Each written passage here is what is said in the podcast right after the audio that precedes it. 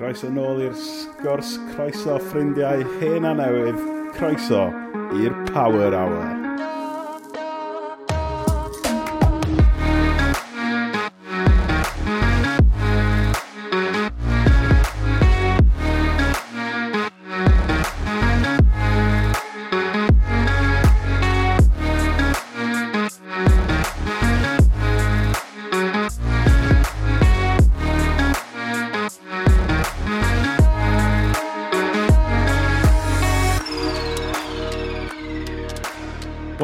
pawb, croeso yn ôl i'r sgwrs.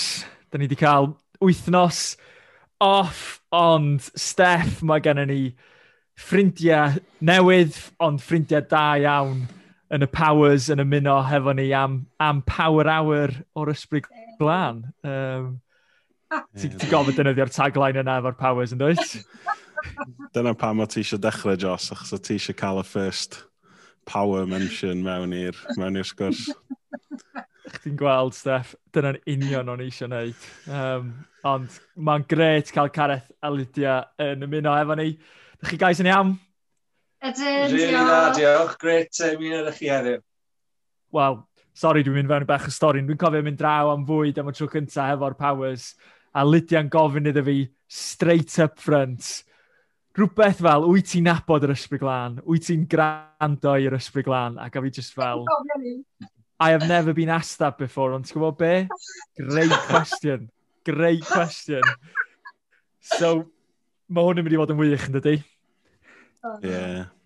A mae ma hwn wedi dod o cwestiwn um, ni wedi cael yn ddiweddar gan Angharad Clwyd um, ar Instagram yn gofyn sut dyn ni'n adnabod llais dew, sut dyn ni'n gwrando ar yr esbryd glân. Um, a mm. dyna, dyna dyn ni eisiau sgwrsio gyda chi amdano heddiw, really, a clywed profiad chi a helpu ni um, i ddod i nabod Iesu yn well ag dod i gerdded yn agosach ato fo a trwy yr ysbryd glân uh, clywed llaiso um, yn bywyd o ddydd i ddydd. Um, so, ie, yeah, ni'n ddiolchgar i cael chi yma heddiw. Ac, um, Diolch, bob yn hyn, mae fe'n fraint a ni'n rhaid edrych ymlaen. Ie. Yeah. Nathyn ni cwrdd gynta yn Llanw yn Pwllheli. Um, Dwi'n cofio chi'n aros mewn chalet just lawr y ffordd o'n i. Um, ag, dwi'n gwybod, ers, ers y tro cyntaf ni cwrdd â chi fi a Gwenno, just yn teimlo yn ein ysbryd ni fel mor ddiolchgar amdano chi fel teulu, um, mor encouraging a llawn cariad ydych chi tuag at ni ag just gwybod bod chi trwy'r amser yn, yn cefn i ni er falle ni ddim yn sgwrsio'n aml iawn, ond wastad gwybod bod chi yna. Ac oedd hwnna'n rhywbeth, nath ni teimlo yn gyrru ffwrdd o llanw yr hmm. blwyddyn cyntaf yna nath ni cwrdd â chi, fel bod Dew di rhoi ffrindiau arbennig i ni y blwyddyn yna. Um, ac ie, yeah, dwi just eisiau gofyn i chi'n gyntaf fel, be oedd profiad chi o dod i llanw uh, am y tro cyntaf, achos i ni, fi a Jos, di tyfu fyny yn y sîn Cymraeg, o'n i'n meddwl o'n i'n nabod pawb sydd yn nabod Iesu a sy'n siarad Cymraeg, ond obviously ddim. Um, so ie, yeah, be oedd, be oedd y fel i chi yn dod i llanw am y tro cyntaf? O, oedd yn, oedd yn profiad really, really positif a really lovely. Ac oedd, wnaethon ni ffindio mas amdano fe trwy David Oliton, nath e sôn amdano fe a dwi'n cofio edrych e lan ar y we, a bwcio ymlaen a meddwl, o, oh, ni'n mynd rhywle, so ni'n nabod unrhyw un na, ac oedd diw mor dda, achos um, wnaethon ni aros, beth oedd e, The Butlins? Ie, e? hmm. ie. Ac oedd e y pobl o un ochr o'n ni, Christian o Glan y Ferry, o'n i arfer bod ar yr un bws ysgol, dyga. a wedyn, no way. a wedyn, i'r ochr arall, oedd Aled a e Erin Myrddin, Mm. A hmm. Gareth oedd wedi bod yn prifysgol gyda Aled. Oh, wow. So pethau bach fel dda, o'n i'n teimlo fel oedd diw yn annog ni. Ac oedd e'n really, really lovely, really lovely i gallu i fi y tro cynta i eddoli trwy gyfrwng Gymraeg. A ie, yeah, just y wyrgyll lyflu, cymuned lyflu. A ie, yeah, ni wedi gwneud ffrindiau special, mae rai fi wedi, ac oedd e'n llawn pwrpas iddyn ni hefyd. So. A actually, allai just, anrydeddu Owain a Sian Edwards, achos wnaethon ni cyrraedd nhw yn llaw hefyd. Ond mae rhaid i weid, ni jyst yn meddwl o byd o Sian ac Owain, achos ni'n hmm. gweld nhw fel foreigners yn yr eglwys Gymraeg, a wir i chi, sa'n just dweudyn, ond dwi'n teimlo fel, so ni'n mynd i gwybod yr effaith maen nhw wedi cael, y ffordd mae dwi wedi defnyddio nhw, ochr hyn o'r nefoedd. Achos dwi'n hmm. credu bod e'n wir i ddweud, sa'n credu byd ni'n cael y sgwrs ma nawr a chych doi a ni fan hyn, os oedd e ddim am nhw. Wel, mm. ti bendant ddim ddim agos. Byddai ddim actually yn bodoli, ond i bai amdano nhw. ond mae rhaid i weid, ni wir moyn anrydeddu nhw, achos ni'n meddwl bod nhw'n mm. just wneud job ffantastig yn yr eglwys a ffordd maen nhw mor agored i, i, ddew, i beth mae Dyw yn wneud a waith yr ysbryd glân. So, Hmm. yeah, big shout mm. out to them. Yeah, a, a oedd mynd i llanw, oedd e'n... Y ffaith bod ni wedi cwrdd, o'n i'n siarad Cymraeg, o'n i'n teimlo bod, mm. siarad, bod o'na ddim yn camgymeriad, roedd e'n rhywbeth o diw di dod yn at ein gilydd, a roedd rhyw pwrpas gyda'r o'r iaith, a hmm. o'n i jyst mewn proses o dechrau, gweld well, beth yw hyn, a ie, yeah, gwell ni cysylltu mewn da'r cymuned Cymraeg a, a mm. gweld pwy, beth sy'n mynd ymlaen a beth mae Ddiw wneud yn y cymunedau yna. A hmm. oedd e'n profiad really dda. Bach yn daunting mynd i llanw, fel oedd Lydian dweud, ddim really yn nabod neb, neu'n meddwl bod ni ddim yn nabod neb, Mm. ond gafon ni croeso, croeso mor cynnes mm. a cwrdd â pobl really special fel, fel chi guys. Oh. A roedd e jyst mor dda i ni cael dod i, i cwrdd a'r cymuned Cymraeg a pobl newydd, a fel oedd Lydian dweud, a ddoli yn y Cymraeg, mae fe'n rhywbeth ni ddim yn cyfarwydd a wneud. Hmm. Mae'r ddau ni wedi bod yn rhan o eglwysi Saesneg trwy, wel, ers i ni dod i anafod Iesu. Um, so oedd e just, o'n i wedi cael siw o anogaeth gan gweld cymuned o bobl oedd yn caru Iesu, oedd mor angherddol am yr efengil, a oedd, oedd e just yn cyfle gret i dod i adnabod pobl a mwynhau uh, addoli gyda fel un. A beth o'n mm. i'n really hoffi, bod chi'n cael pobl o cefndiroedd gwahanol, eglwysi gwahanol, um, yn dod at ei gilydd fel un. A oedd hwnna'n really progress special iawn. Mm. So ti'n dweud ei nawr, dwi jyst yn cofio, ar ôl dechrau cerdded, wel ar ôl rhoi bywyd fi i esu am y tro cynta, pan o'n i yn fy arddegau, ti'n y peth cynta diw di wneud oedd newid cyfeiriad bywyd fi trwy newid ysgol, ac oedd e o ysgol Saesneg i ysgol Gymraeg. So goffes i dysgu Gymraeg, achos o'n i ddim yn siarad Gymraeg cyn ni. So hmm. beth cynt yn ath yn e neud, oedd roi, roi fi mewn awyrgell Gymraeg a gorfod dysgu'r iaith. So ni yn teimlo fel, ti'n modd, mae Hmm. Mae pwrpas yn fe i gyd, a ni yn teimlo eitha passionate am y iaith yn yr eglwys hefyd. Hmm. hmm. Mae'n dda i glywed, just um, yeah, weithiau ni yn gallu cael yn really just edrych mewn trwy'r amser a meddwl, is this it?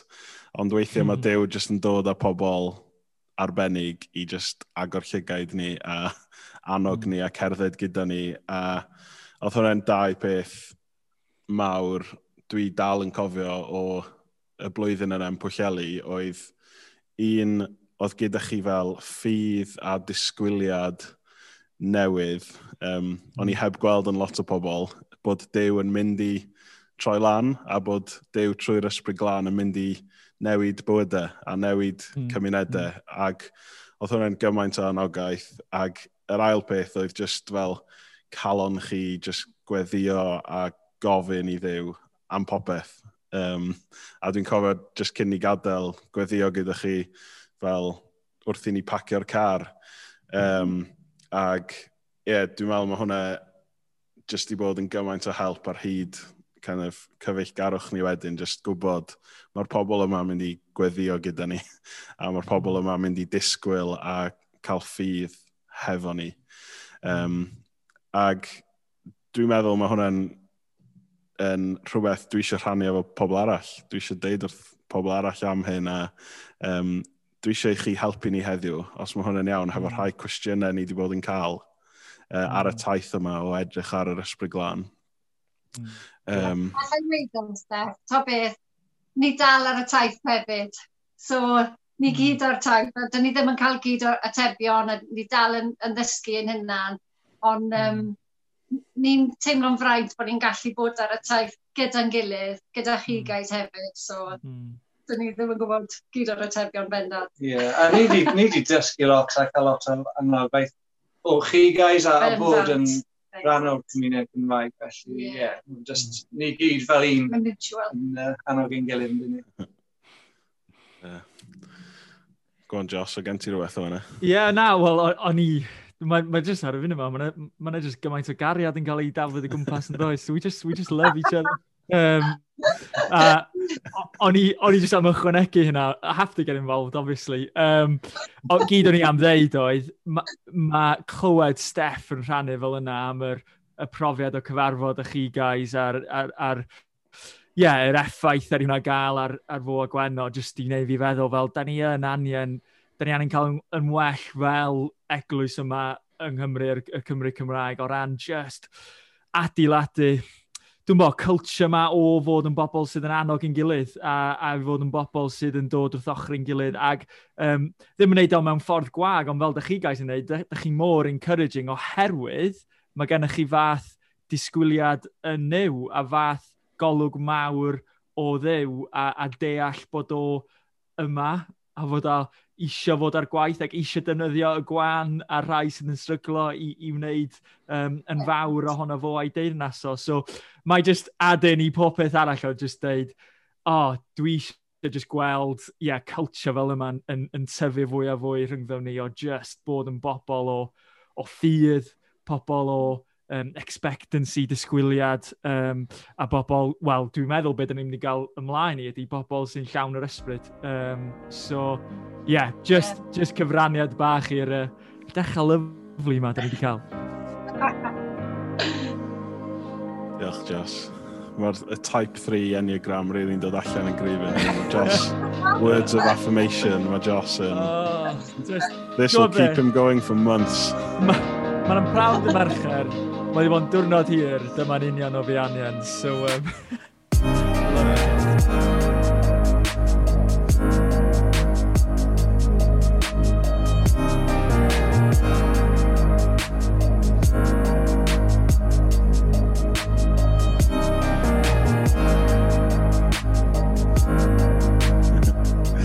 um, so, y cwestiwn sydd wedi dod mewn um, gan angharad yw be mae'n meddwl i rando ar yr ysbryd glân o ddydd i ddydd, fel be mae'n swnio fel, um, sut ydych chi'n kind of cerdded in step gyda'r ysbryd glân? Um, Wel, i ddechrau off, dwi'n meddwl bod e'n y peth cyntaf yw, mae fe amdano cael perthynas gyda'r ysbryd glân, a fi'n credu dyna'r allwedd i gael perthynas gyda fe, i dim just dod i nabod um, beth mae'n gallu wneud i ni ac ein nerth a mae fe'n dod i nabod e fel person, fel y trydydd person yn, tmod, yn y dyndod, um, i gael cyfeillgarwch gyda fe. So i fi, just well, fel bod ffrind trwy'r dydd yn dod yn ymwybodol o presenoldeb e, fel, fel fi wedi gweud, gweud o blaen, mae fe gyda fi, mae fe gyda fi, mae fe ynddo fi. Um, ac ambell waith pan fi'n cerdded o gwmpas y tŷ yn tacluso beth bynnag, fi'n trio troi fy meddwl i ato fe, dweud, mae fe ma nawr, ma fe, a mae fe'n awyddus i siarad. Mm. Ac mm. just y uh, cwestiynu fe, um, gofyn fe amdano pethau gwahanol, um, a, ac ambell waith just yn dod iddo fe hefyd a dweud, rhaid, heb agenda, heb heb gofyn am tymod, certain peth, just gofyn, right, beth ti eisiau dweud i fi heddi. Um. Ond mm. i mm-hmm. fi, yr allwedd yw um, cael perthynas gyda fe a cyfeillgarwch gyda fe. Mm-hmm. Dwi'n dwi cofio ffrind i ni, a dwi was yn cofyn, nes i weld yn dod nôl o siop, oedd yn cario bod smwddio o dan un braich a bag siopa o dan y braich arall. A nes i fod, be, be ti wedi bod yn neud? A dwi o, o'n i'n teimlo fel, dwi angen bod yn ymwybodol bod diw gyda fi pob man. So, nes i'n mynd i siop gyda'r bod smwddio hyn, just fel atgof bod diw gyda fi, cos dwi'n mwyn byw fel hyn, a ni just, o'n aml mae fe'n stori bach yn doniol. Mae fe'n stori wi. Literally, ie. Ie, mae'n stori wi. Mae ddim yn...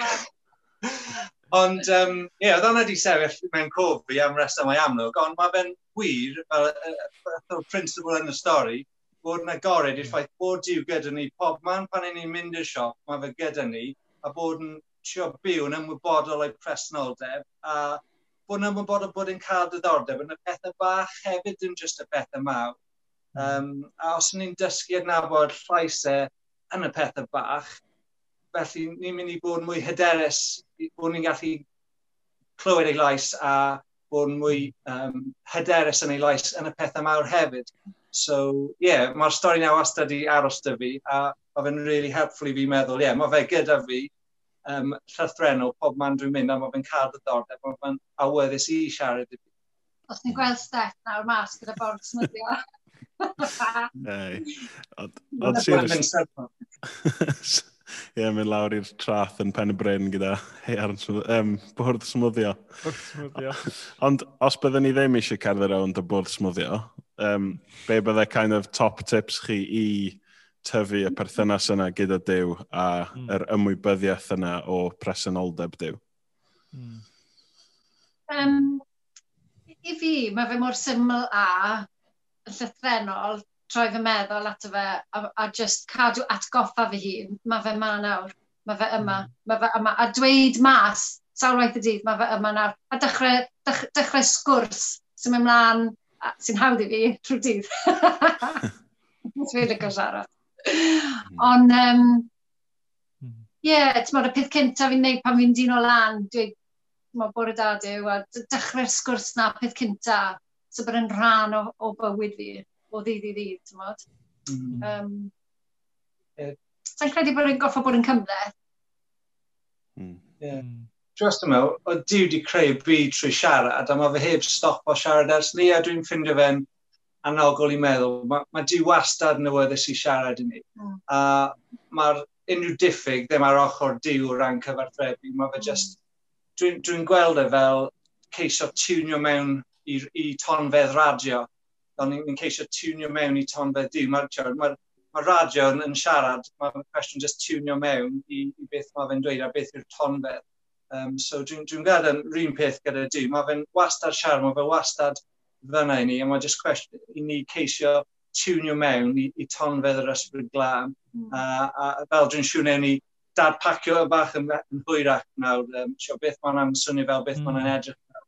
Mm. Dwi'n just yn meddwl, achos falle bod e'n llifo mas o'r ffaith bod ni'n gwybod bod e'n caru ni, achos falle os, os mae rhywun ddim yn gwybod ni, bydd yn anodd iddyn nhw i deall bod mae Dyw yn moyn rhoi sylw i ni, bod e'n moyn gryndo i ni, bod e'n moyn siarad i ni. So fi'n hmm. credu, ie, meddwl am presenoldeb e, ond hefyd troi, troi meddyliau ni at y ffaith bod e'n caru ni, mm. bod e'n cael diddordeb ynddo ni. Ie, yeah. yeah, mae hwnna'n dda. Mae fe'n... Mm. Alla mae ma, hwnna i rywun sy'n brando heddi, mm. Mae eisiau nhw'n gwybod, to beth, mae fe'n caru chi, a mae pob peth yn eich bywyd yn pwysig iawn iddo fe. A stym byd yn rhy fach i gallu cael sgwrs gyda fe amdano, stym byd rhy fach.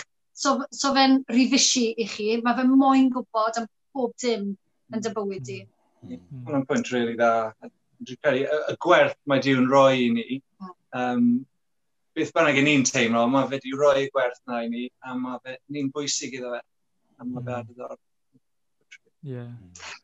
Falle. O'n. Falle.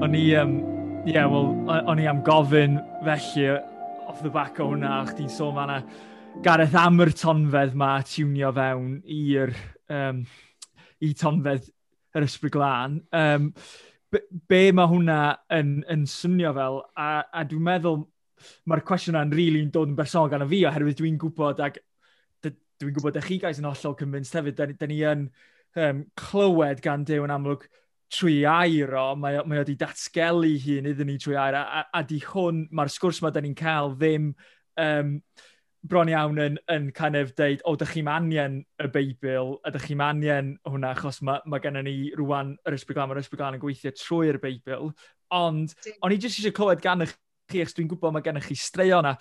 cofio un o straeon, ie, yeah, Lydia jyst pobl ti'n pasio heibio ar y stryd a, a ti jyst yn teimlo yr ysbryd yn siarad ydych chi ac yn deud, ti angen mynd fyny'r person yma a, a rhannu yn union bron iawn o neges ti newid roi i'r pobl sy'n gwrando fama fod nhw wedi i'w caru.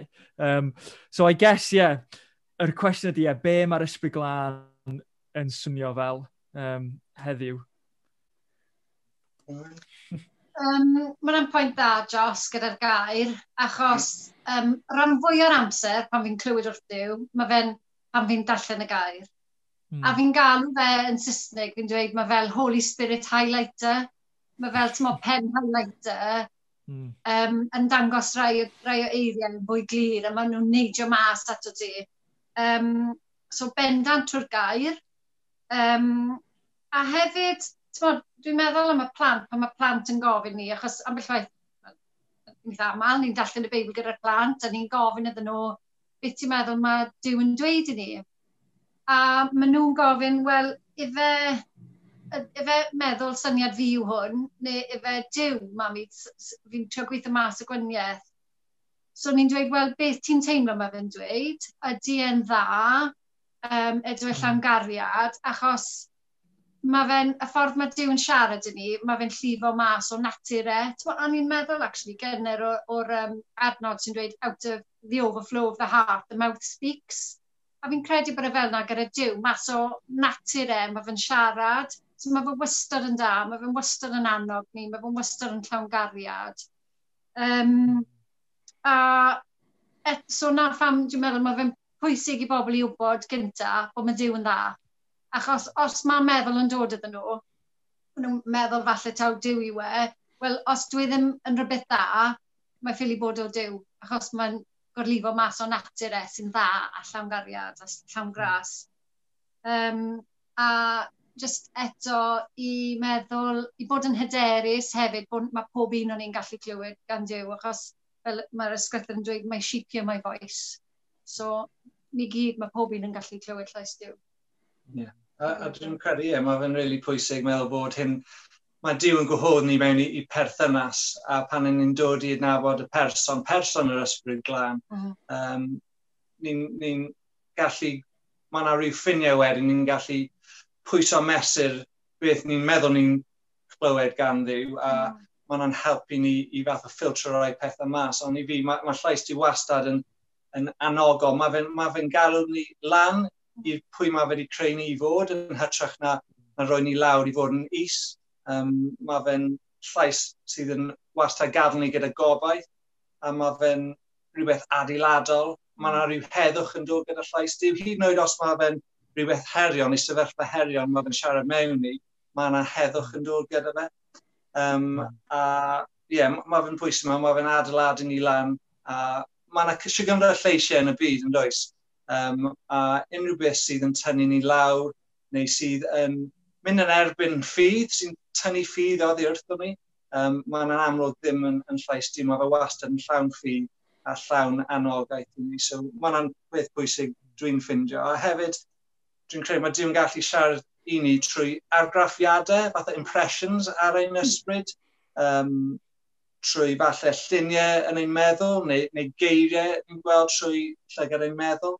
Um, a hefyd hyd yn oed trwy emosiwn, um, mae fe'n gallu siarad i ni trwy unrhyw beth oedd e wedi creu y byd. Mae'r mae r, creawd ei hun yn siarad ni am ddiw, yn diwe.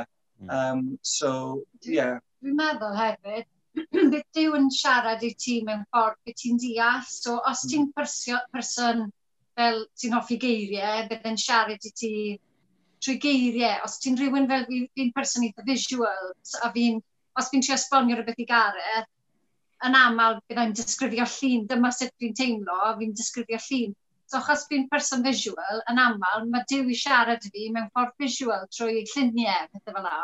So falle byddai'n gwahanol i fi na chi.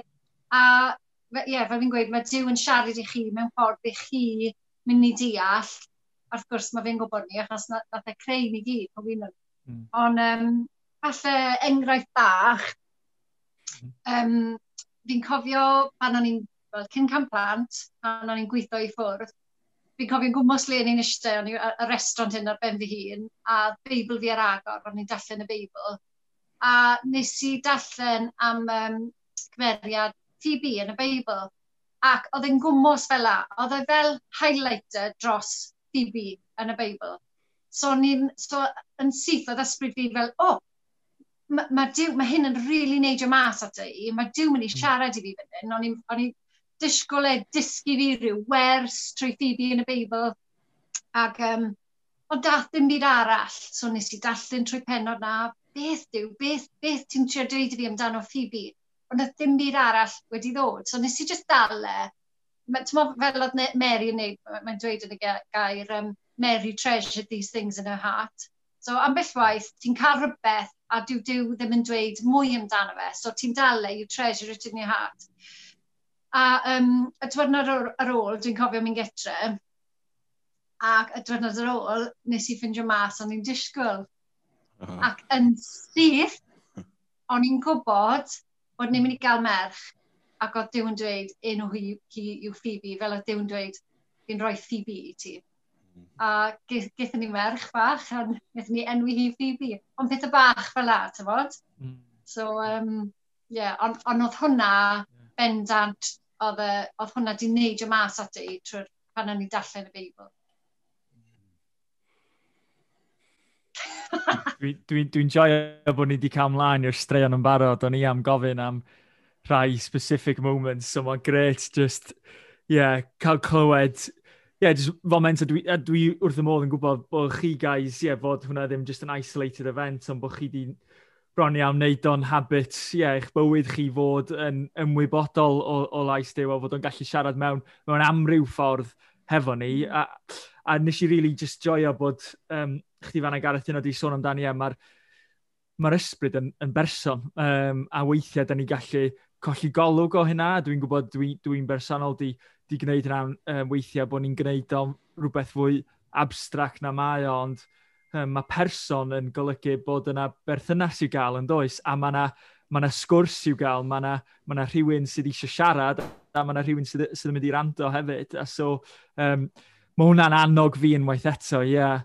Dwi'n berson sydd yn ymwybodol fod yna um, rhywun yn, yn byw yn, yno fi, um, fod yna rhywun yn, yn, yn mynd trwy bywyd hefo fi, um, a felly eisiau arwain fi, eisiau siarad efo fi, a dwi'n gwybod yn fy mywyd mae'r adega gorau ydy pan dwi'n gadael i'r llais, i'r person yna arwain mi fewn i'r unknown, ond wedyn gweld fo'n troi fyny. Um, so, yeah, I guess cwestiwn arall te i fewn i hwnna ydy, sorry Steph, dwi'n cymryd drosodd, ond um, o'n i, on eisiau clywed sut mae'r ysbryd yn annog chi um, yn i'w genhadaeth o, I guess, yn y mission o, o rannu Iesu, a dwi'n gwybod, dwi wedi crybwyll yn barod fan aswrach, dwi jyst eisiau clywed fwy o straeon chi, ond um, sut mae'r ysbryd yn arwain chi fewn i, i rannu Iesu a'i, ai gariad fo efo, efo eraill?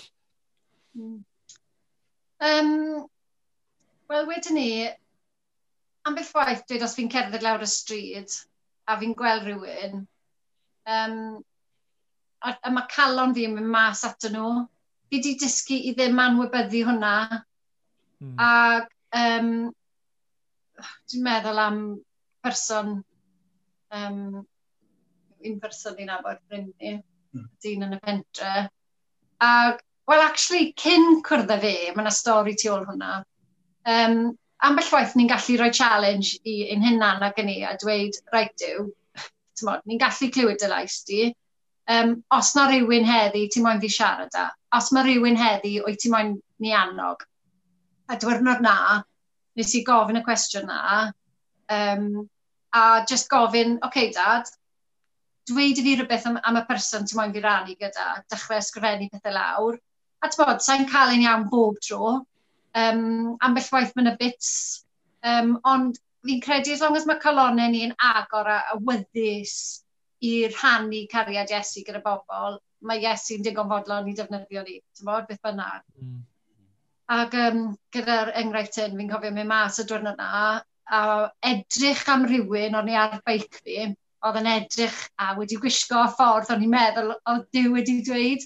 Ond mae rhaid i weid, hmm. oedd e ddim yn gwisgo dillad, oedd wedi dod i meddwl fi o gwbl. Ond, nes i saiclo hi bod dyn ma, yn ei 60au, a calon fi wedi just mynd mas ato fe, just yn edrych arno fe.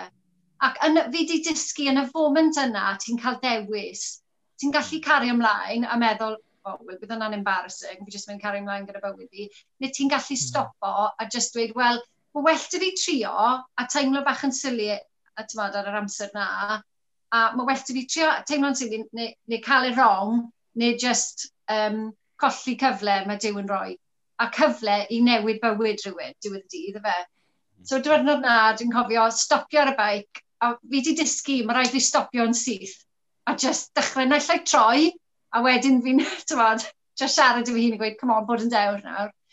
Nes i stopio beic fi, dechrau cerdded at y dîm ma, a just dweud, o, oh, uh, hello, um, enw fiw Lydia, fi'n byw lleol. A sa'n gwybod os ti'n credu ynddo Dyw neu wedi meddwl amdano fe o gwbl, ond dwi jyst yn teimlo, fi'n Christian a fi'n teimlo fel oedd y moyn fi stopo jyst i annog chi, jyst i dweud bod e'n gweld ti a bod e'n caru ti a bod mae bywyd ti yn pwysig iddo fe.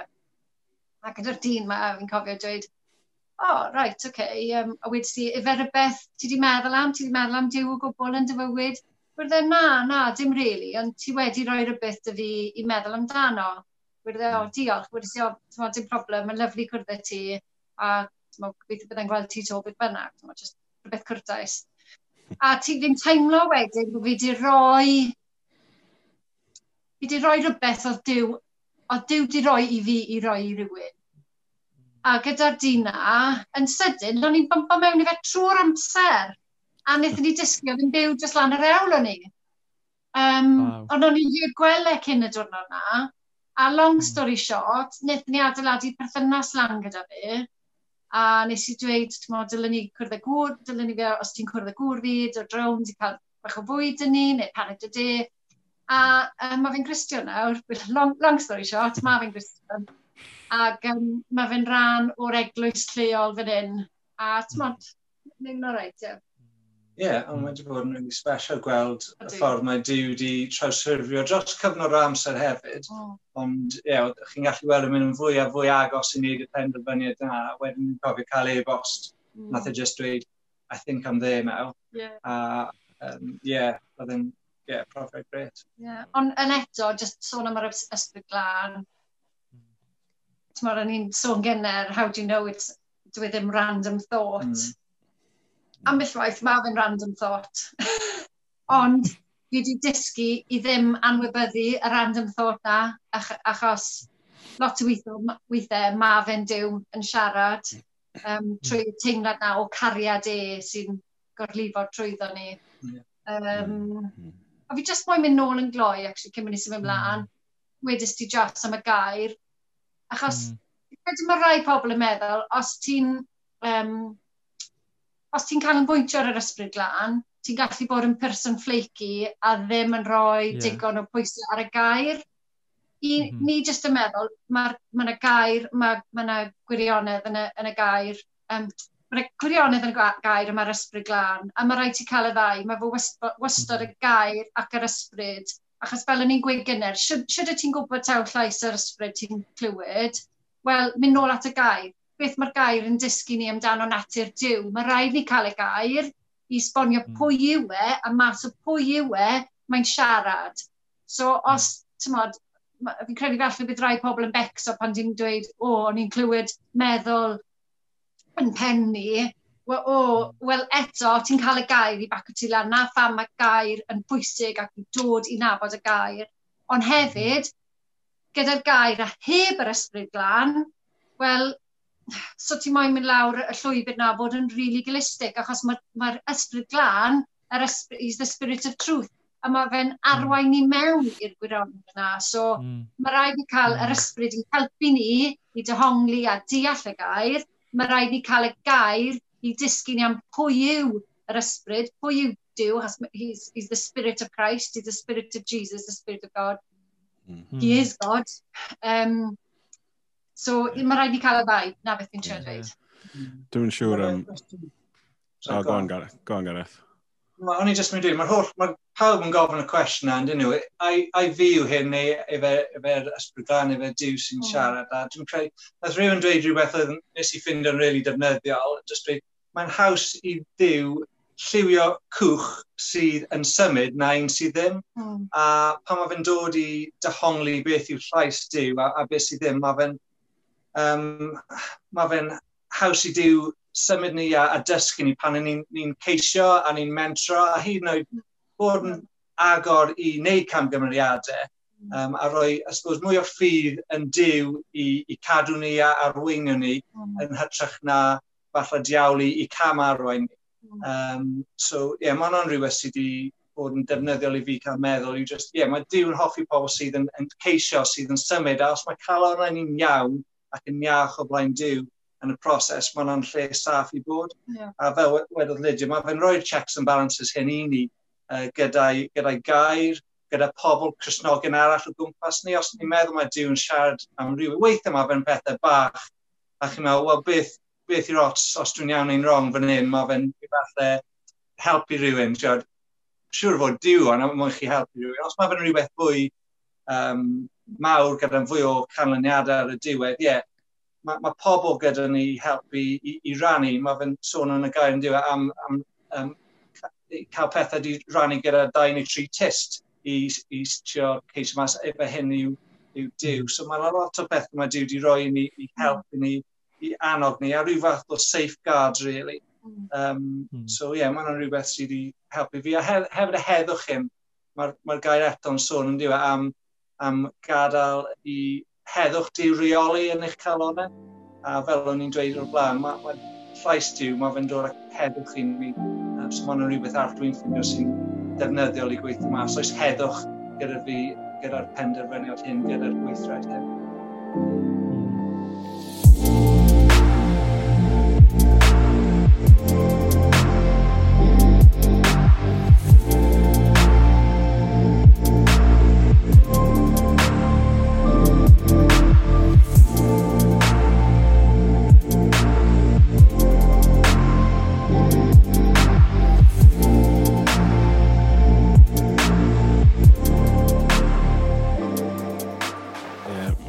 ma sgwrs yma'n gymaint o anogaeth a gymaint o pethau sy, sydd o helpu ni um, wrth i ni ceisio dilyn Iesu a um, wneud disgyblion. Um, a mae wedi bod yn anogaeth i fi clywed chi'n rhannu um, bod chi hefyd yn meddwl, o, oh, mae hwn bach yn random, neu um, ai just fi sy'n meddwl hyn, hmm. neu wneud hyn lan, neu ai hwn ydy, wel, be sy'n da fi golli, in essence, um, yn y diwedd. A mae gyda'r person yna popeth i ennill yn Christ. So, mm. pam ddim. A, um, ac e, bod chi'n cael yn nervous hefyd, a bod rhaid chi just dweud rhywbeth, neu bydd y sgwrs mm. ddim yn hmm. dechrau, achos mae gyda ni rhywun yn yr eglwys sydd just yn wych am just dechrau sgwrs a siarad gyda unrhyw un, um, unrhyw le, unrhyw bryd, mm. a dwi just yn teimlo, a dwi ddim y math yna o berson, dwi dwi'n ffeindio fe'n anodd, mae'n cymryd amser i fi bildio lan perthynas, ond ie, yeah, mm. dwi'n meddwl mae jyst di bod yn gymaint o anogaeth clywed chi'n mm. chi rhannu hwnna heddiw. Wel, mae'r thought yna, just, nes ti sôn fan Lydia, bod Dyw eisiau defnyddio ni i communicatio i'w gariad o i pobl eraill.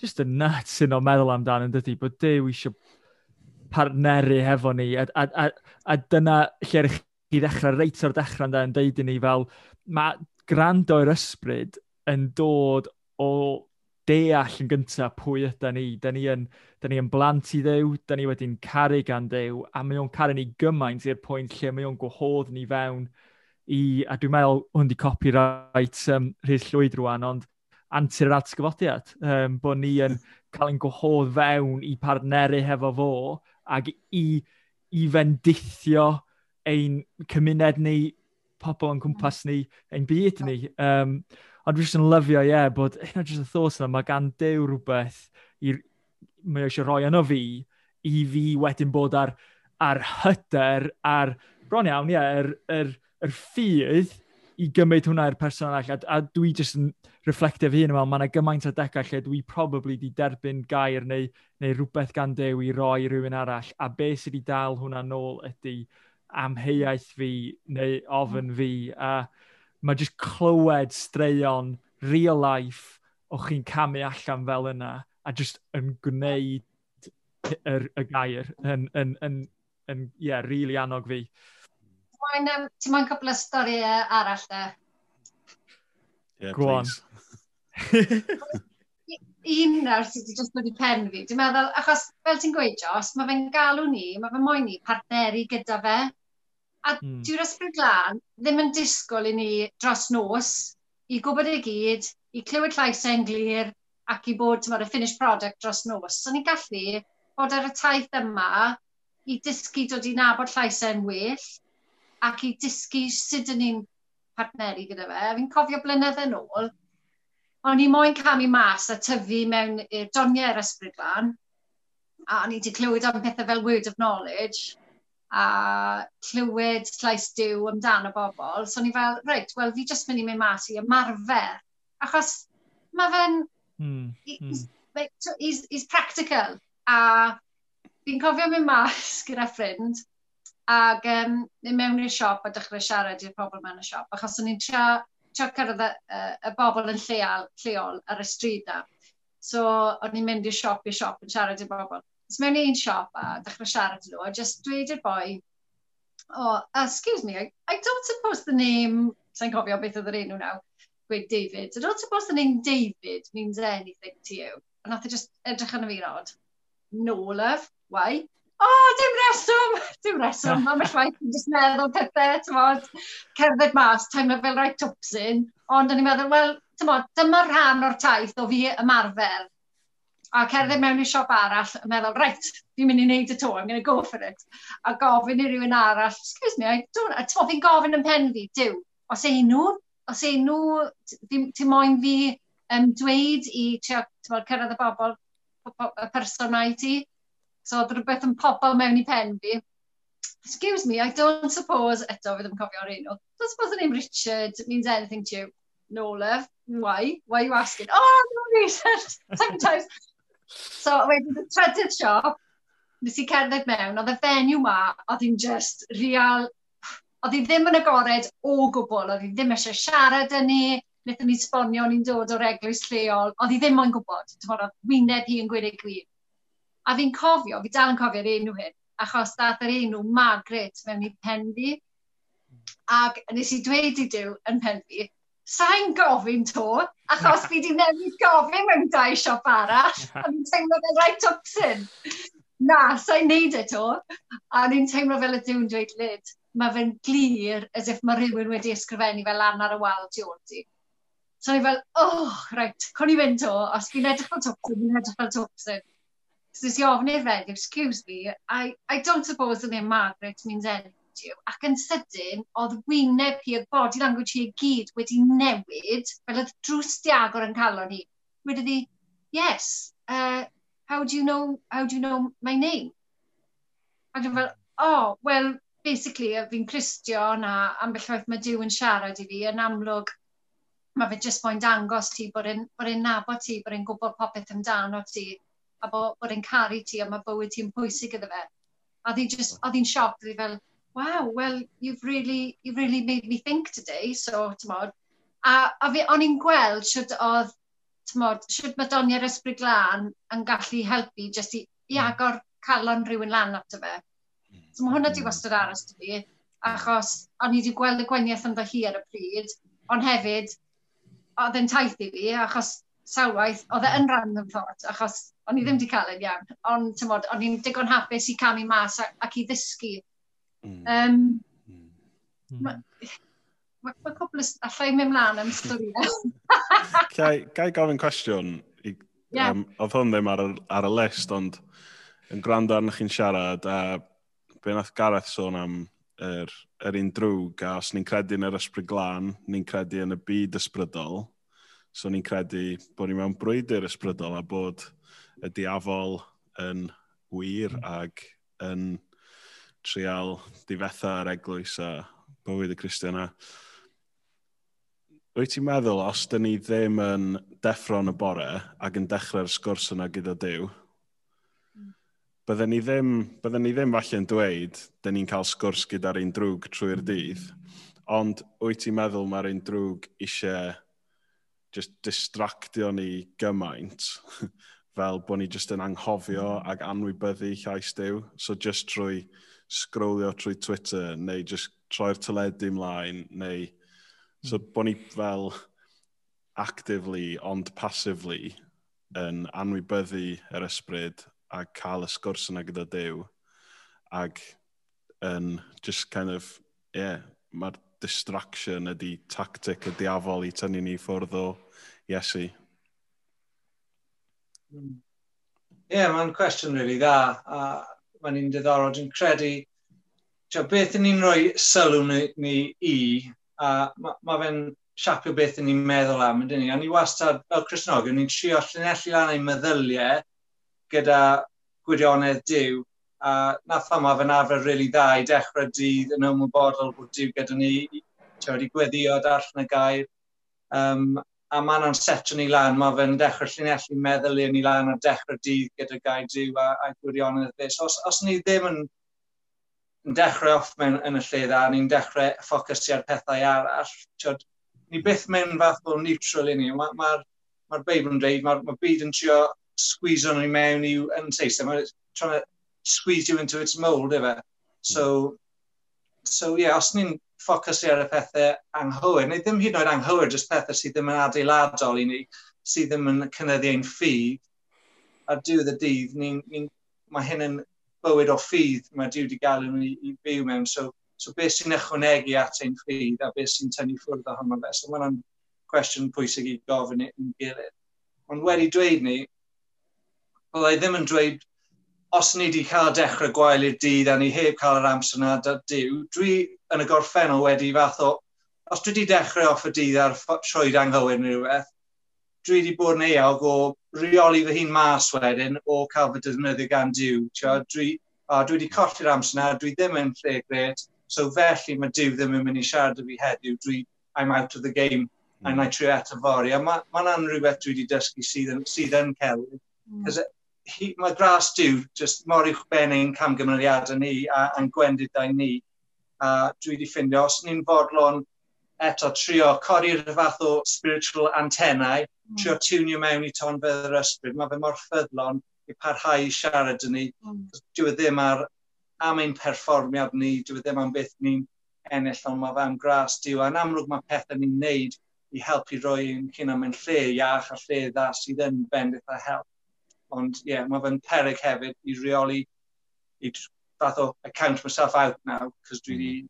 heb dechrau off y byd mewn ffordd gret. Yeah. Mm. Oh, guys, mae'n gymaint o pethau dwi eisiau gofyn i chi a siarad â chi amdan. Um, ond mae hwn sy'n rheswm da i ni cael chi nôl. Be ti'n meddwl, Jos? Mm. Yeah, absolutely. Yeah. Na, so, Wel, dwi eisiau clywed deg stori arall, so um, dwi'n meddwl na uh, na ni stop y recordio, a na i just aros yma, na i just grando bach mwy. um, ond, um, na, seriously guys, mae o'n, um, mae o'n really yn, um, mae'n her uh, clywed just, ie, yeah, bod chi ddim just yn, yn gwybod y stwff yma, ond yn profi fo'n eich bywyd pob dydd ac yn, ac yn gweithredu arno fo. Dwi'n meddwl fwy a fwy, dwi'n edrych ar mywyd fy hun a dwi'n fel, angen just dechrau gweithredu ar yr hyn dwi'n teimlo dew yn arwain fi fewn i, a, a, a dwi'n gwybod, achos mae'n crazy dydy, achos dwi'n gwybod yn y gorffennol, yr, yr adega gorau fy mywyd chrysnogol ydy pan dwi actually'n cymryd y risg yna. Fel ych ti'n sôn fan Lydia, just pan dwi'n barod i ofyn i'r person yna, be, be ydy'r gair ma'n golygu unrhyw beth i chdi. A, a ie, yeah, weithiau, it is a random thought, ond hefyd, dwi wedi cael adegau lle bron iawn ar ôl cymryd y cam yma, chi'n gweld just bron iawn, dwi fel spectator, achos mae fel mae'r ysbryd yn cymryd drosodd, a, a, a mae Dyw jyst yn styrio ac yn gwneud rhywbeth yn, yn, yn mywyd y person yna, a, a dwi jyst yn cael y fraint o gweld fo ar waith, a, a dwi'n gwybod mae hwnna'n gweddi fy hun, a dwi'n gobeithio dros ni fel yr eglwys, ie, yeah, ledled Cymru, bod ni isio bod yn participants a'n spectators wedyn o yr ysbryd ar waith. Um, so, diolch guys, mae o'n... Um, ah, Da ni angen part 2 o'r Power Hour yn dydan, Steph. Part 2 coming up. Tio, fel gadael pobl eisiau mwy ag gweiddi allan am yr uh, sequel. So, mm. dyna sy'n mynd i ddigwydd. Ond ni'n ddiolchgar bod chi droi amser i ni pnawn yma. Um, ag rhannu... Great. Mae wedi bod yn gret. A, Uh, diolch am cael ni. Ni wedi rili really joio. Uh, yeah, edrych ymlaen i uh, gwrando ar uh, yr un nesaf nawr. Ie, yeah. hwnna'n pwynt da, Gareth. Lle da ni'n mynd nesaf, Steph? Lle da ni'n mynd nesaf? Lle ni'n mynd nesaf ar ôl hyn, Jos? Wow. Falle da ni angen sabbatical, beth ti'n meddwl? Na, ni, ar ni gael sabbatical ni gynt. Stwffio hynna rwan. Uh, on to the next one.